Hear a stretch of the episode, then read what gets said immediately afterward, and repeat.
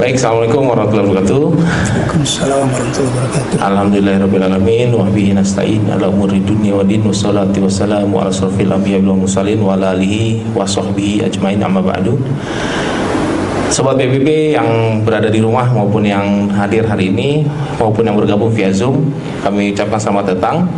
Dan sebelum kita mulai acara ngaji politik pada episode pertama ini, mari sama-sama kita membaca basmalah. Bismillahirrahmanirrahim.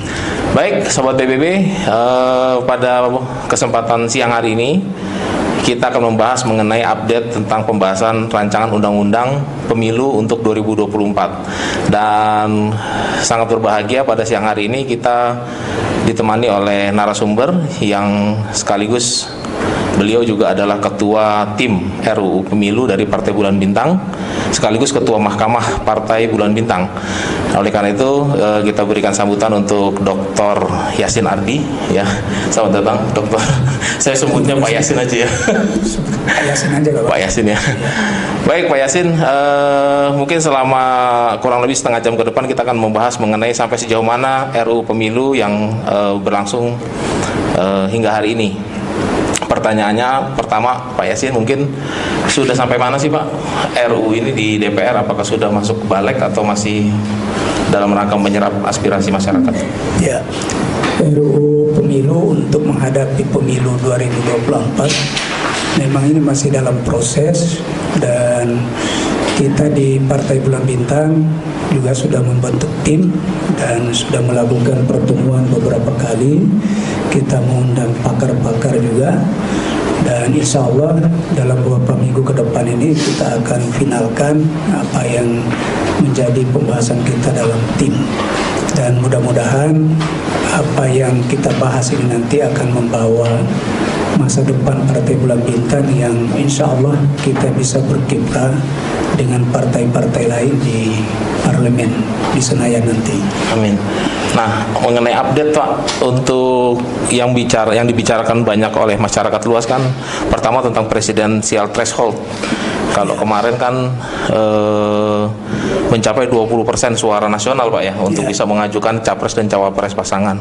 Nah, untuk RUU Pemilu 2024 kira-kira dari RUU yang sudah ada itu apakah masih akan dipertahankan angka 20% atau PBB punya usul lain Pak? Kalau dilihat dari rancang undang-undang yang ada, eh, 20% itu masih dipertahankan. Tapi kita di Partai Bulan Bintang punya alasan tersendiri untuk tetap bersikuku seperti keinginan kita pada pemilu 2019 yang lalu yang kita sudah mengajukan judicial review ke Mahkamah Konstitusi tapi tidak sempat dibahas usulan kita dan sekarang ini kita akan upayakan lagi agar eh, presidensial threshold itu tidak ada dalam pemilihan presiden dan wakil presiden pada pemilu 2024 yang akan datang.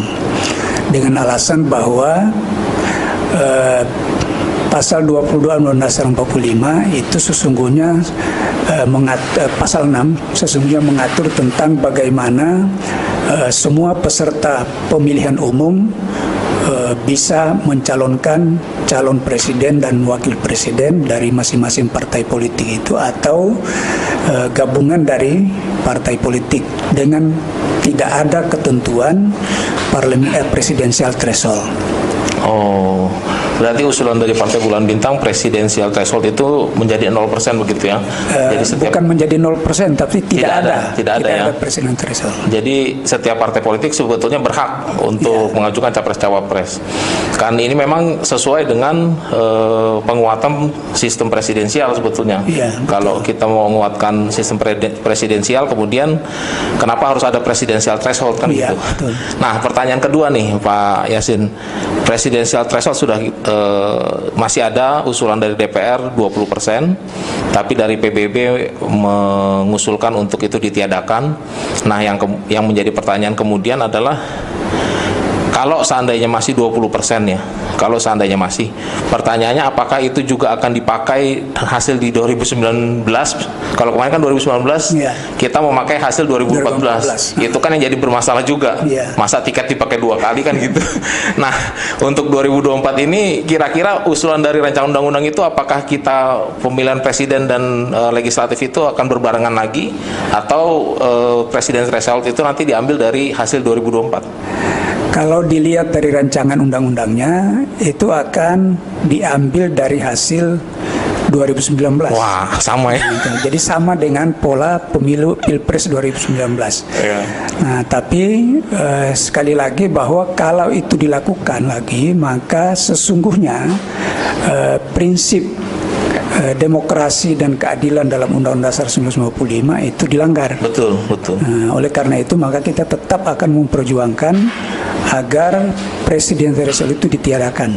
Mudah-mudahan perjuangan kita kali ini Amin. eh, bisa berhasil karena kita akan berupaya kita yang duluan mengajukan ke Mahkamah Konstitusi nanti dibandingkan dengan eh, eh, organisasi atau individu lainnya yang pengalaman kita sebelum pemilu 2019 itu kita didahului oleh eh, orang lain sehingga kemudian ajuan kita judicial review itu tidak dibahas di Mahkamah Konstitusi. Hmm. Baik. Nah ini untuk sobat PBB ataupun eh, di mana pun anda berada ya yang menyaksikan si eh, video YouTube ini.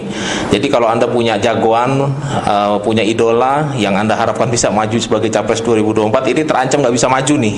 kalau sampai RUU ini tidak dikritisi, karena seperti yang terjadi di 2019 pada akhirnya calon-calon potensial hilang ya Pak Yasin ya. calon-calon potensial Pak Yusril Iza Mahendra nggak bisa maju, Pak Gatot Nurmantio nggak bisa maju, mungkin 2024 Pak Anies Baswedan juga nggak bisa maju. Iya. Dan dia banyak sekali tokoh-tokoh nasional yang muda-muda yang eh, berpotensi begitu yang berprestasi nggak bisa maju karena tidak mengantongi 20% threshold tadi kan. Ya, Dan ini akan mengurangi kualitas kepemimpinan nasional kalau saya pikir ya Pak Yasin ya. betul betul. Jadi mudah-mudahan eh, bisa menjadi perhatian untuk kita semua supaya eh, presidensial threshold ini ditiadakan sesuai dengan aspirasi umat Islam khususnya maupun dari Partai Bulan Bintang. Ya. Nah, pertanyaan selanjutnya Pak Yasin, bagaimana dengan eh, parliamentary threshold? Nah ini, ini ada isu naik 7 persen. Ya. 4 persen aja banyak partai sudah ngos-ngosan ini termasuk PBB. Bukan isu lagi, itu sudah masuk dalam Sudah, rancangan undang-undang pemilu. sudah di RUU sudah masuk Sudah. 7 persen. 7% dan tidak hanya nasional tapi juga akan berlaku di daerah. Di daerah 7 persen juga. 7% juga. Jadi Tidak kalau. DPRD DPRD-nya nggak masuk, eh, DPRD-nya nggak sampai 7 persen, anggota DPRD-nya nggak masuk juga ya? Angus. Angus juga. Angus juga. Nah, maka itu kita di Oh. Partai Bulan Bintang untuk parliamentary threshold ini sama dengan presiden threshold tadi. Hmm. Kita juga ingin eh, usulkan agar eh, ditiadakan. Hmm. Jadi tidak ada parliamentary threshold. Karena sebenarnya eh, parliamentary threshold itu adalah salah satu cara untuk membunuh demokrasi Betul. dalam eh, pemilihan umum. Jadi misalnya eh, Partai Bulan Bintang misalnya dapat satu kursi, kemudian eh, kursi itu tidak bisa dipakai karena partai tidak lolos parliamentary threshold. Nah, padahal rakyat memilih Ya. calon yang bersangkutan Ya. atau partai yang bersangkutan. Nah, alasan inilah yang paling utama kita akan ajukan sehingga kemudian parliamentary threshold itu juga akan kita minta supaya ditiadakan. Nah, ada usul yang paling bagus sebenarnya. Ini sebenarnya kita sudah pernah usulkan juga tahun 2009. Eh, kita mengusulkan eh, fractional threshold. Nah, jadi yang dibatasi itu adalah fraksinya. Bahwa kalau tidak mencapai, misalnya mencapai 7%, maka partai politik itu tidak boleh membuat fraksi di parlemen Oh iya. atau di DPR. Nah, ini mungkin lebih logis untuk kita jadikan eh, ketentuan dalam undang-undang pemilu sehingga nanti satu kursi pun partai politik itu dia peroleh dalam pemilu, maka dia tetap bisa gunakan. Nah, cuma tidak boleh membentuk fraksi sendiri. Dia harus gabung ke fraksi lainnya. Nah, itu juga sedang kita garap sekarang ini di tim. Mudah-mudahan ini semua bisa eh, menjadi eh, konsen kita dalam rangka memperjuangkan ini melalui eh, teman-teman di parlemen Karena bagaimanapun kita tidak punya fraksi di sana. Nah, iya. Jadi perjuangan ini memang perjuangan yang yang membutuhkan pikiran dan tenaga, lobby-lobby yang kuat sehingga nanti keinginan kita ini bisa kita wujudkan di dalam undang-undang pemilu yang akan datang. Oke, sebelum lanjut nih Pak Yasin, untuk teman-teman yang di Zoom, apakah terdengar suara dengan baik? Kalau terdengar, kasih jempol. Kalau suara terdengar dengan baik, kasih jempol. Apakah terdengar teman-teman di Zoom? Nggak ada respon, jempol nggak? Kurang jelas. Oh, kurang jelas ya. Mungkin mic-nya bisa lebih dekat Pak Yasin. Nah, Pak Yasin kita lanjut lagi untuk apa namanya eh, banyak masyarakat bertanya sebetulnya kenapa sih parliamentary threshold harus ada sebetulnya karena eh, kalau kita bicara demokrasi ini kita demokrasi bisa dibilang liberal dan lebih lebih liberal, lebih Iya. liberal daripada negara liberal begitu. Betul. Karena kita bukan hanya beradu antar partai tapi juga diadu di dalam partai kan gitu. Adalah kita demokrasinya demokrasi Pancasila. Iya, maksud saya sudah kita mempraktekkan demokrasi paling liberal dalam sistem pemilihannya, tapi kok dibatasi dengan adanya eh, parliamentary threshold itu? Harusnya kan kalau liberal tuh ya one man one vote siapa pun terpilih masuk kan begitu kan? Betul. Nah ini kok eh, kayak tanggung-tanggung ini demokrasi liberal tapi eh, satu sisi masih dibatasi dan sebagainya. Ini sebetulnya ada apa sih di balik parliamentary threshold ini kalau boleh Ya, tahu? jadi pada pemilu 1999 2004 yang diterapkan itu adalah electoral threshold. Nah, electoral threshold itu juga membatasi ya, tapi pembatasan itu semua partai politik yang memperoleh kursi bisa eh, menggunakan kursinya di parlemen. Akan tetapi eh, dia tidak boleh membentuk fraksi sendiri kalau dia tidak lolos ET. Ya. Nah, sebenarnya ini lebih bagus, cuma kelemahannya ET itu eh, partai yang bersangkutan kalau tidak lolos ST ET pada pemilu itu dia tidak boleh ikut lagi pada pemilu berikutnya. Dia harus merubah nama Oh ya. kalau dia mau Ya. tetap ikut pemilu berikutnya. Dan itu juga pernah lakukan di Partai Bulan Bintang. Dulu kita pernah bentuk tahun 2006 Partai Bintang Bulan untuk mengganti Partai Bulan Bintang pada pemilu 2009. Nah, tapi ternyata pada prakteknya Undang-Undang Pemilu untuk 2009, 2009 mengalami perubahan sehingga Partai Bulan Bintang bisa ikut lagi menjadi peserta pemilu pada pemilu 2009. Akhirnya Partai Bintang Bulan kita lebur kembali masuk ke dalam Partai Bulan Bintang sampai sekarang. Ah, jadi apa sebetulnya alasannya Jadi, Pak parliamentary threshold Parliamentary threshold itu sebenarnya desainnya itu adalah untuk mengurangi jumlah partai politik sebenarnya. Pertanyaannya kenapa harus dikurangi? Desainnya itu. Nah, ini ada ya politik praktis yang memang sebagian teman-teman partai politik lainnya itu mungkin tidak ingin disaingi oleh partai yang lain. Ya, mereka lah yang boleh masuk ke parlemen. Kalau perlu hanya ada tiga partai politik di parlemen. Artinya balik ke orde baru dong. Ya, cuma bedanya kalau orde baru kan dipaksa. Dipaksa ini dilegalkan. Kalau ini penggabungannya itu apa? Penggabungannya itu dilegalkan melalui undang-undang. Nah, sehingga undang-undangnya setiap pemilu itu dilakukan perubahan. Padahal sebenarnya undang-undang pemilu itu kalau mau adil itu harus dilihat dulu berlaku tiga kali pemilu baru direvisi kalau ada kekurangannya. Tapi ini setiap mau pemilu Berubah. direvisi undang-undangnya. Iya. Setiap mau pemilu direvisi. Sehingga belum kelihatan kele- kelebihan dan kekurangannya seperti apa, langsung direvisi lagi. Nah, padahal seharusnya beberapa negara di dunia ini itu mencoba mempraktekkan undang-undang pemilunya itu tidak pada setiap pemilu dia revisi, tapi dia berlakukan tiga kali pemilu. Setelah itu baru dilihat kekurangan kelebihannya apa, baru direvisi. Nah, kalau kita di Indonesia ini karena semangat untuk mengurangi jumlah partai politik itu mungkin sehingga kemudian setiap pemilu dilakukan revisi itu dan persyaratan PT-nya itu selalu di tingkatkan supaya nanti partai politik yang bisa masuk parlemen itu adalah partai politik yang punya kursi minimal 7% kalau untuk yang akan datang ini atau 10% nanti mungkin pada 2029 dan seterusnya sehingga nanti pada saatnya itu ya di situlah partai politik di parlemen hanya ada tiga atau bahkan dua saja. Nah itu kan kalau kita kan selama ini selalu gembar-gemborkan bineka tunggal ika, bineka tunggal ika Ya. begitu ya.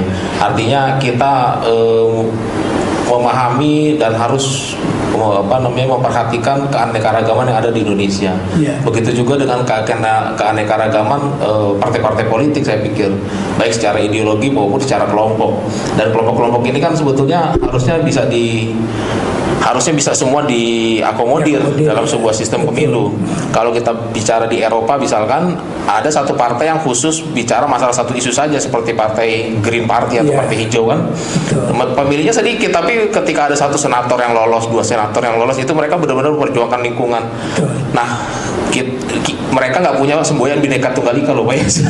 Sedangkan kita yang punya pedoman bineka tunggal ika tapi kok saya melihat eh, ada semacam pemaksaan untuk kemudian menyeragamkan partai politik yang sebetulnya kita justru harus beraneka ragam supaya semua aspirasi kelompok-kelompok yang ada di masyarakat bisa ter eh, terakomodir dalam sistem pemilu kita begitu kan ya, Iya. Pak Yasin ya? Jadi memang kalau Green Party di Jerman itu bahkan selama berjuang pada akhirnya mereka bisa menjadi kanselir kan di Jerman. Pada akhirnya menjadi kanselir.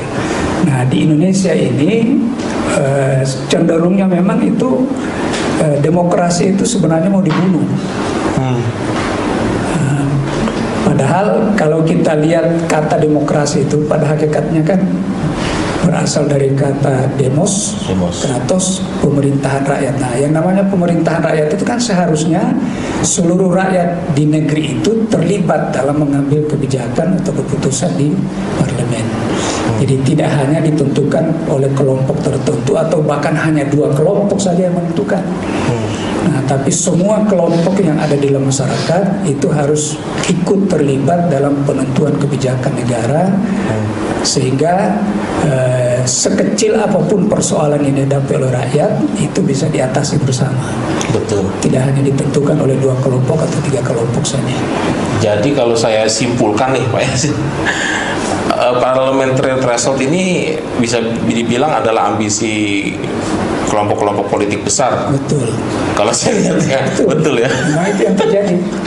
Nah ini eh, untuk sobat PBB ataupun masyarakat yang menyaksikan ini, ini harus kita kritisi bareng-bareng nih, ya bahwa eh, ada upaya pembunuhan demokrasi kalau bahasanya Pak Yasin tadi ya, membunuh partai-partai kecil, membunuh kelompok-kelompok kecil untuk kemudian mencoba menyeragamkan eh, garis politik kita padahal kita sudah mengakui bahwa negara kita itu bineka tunggal ika yang sangat beragam kelompok dan eh, aspirasinya.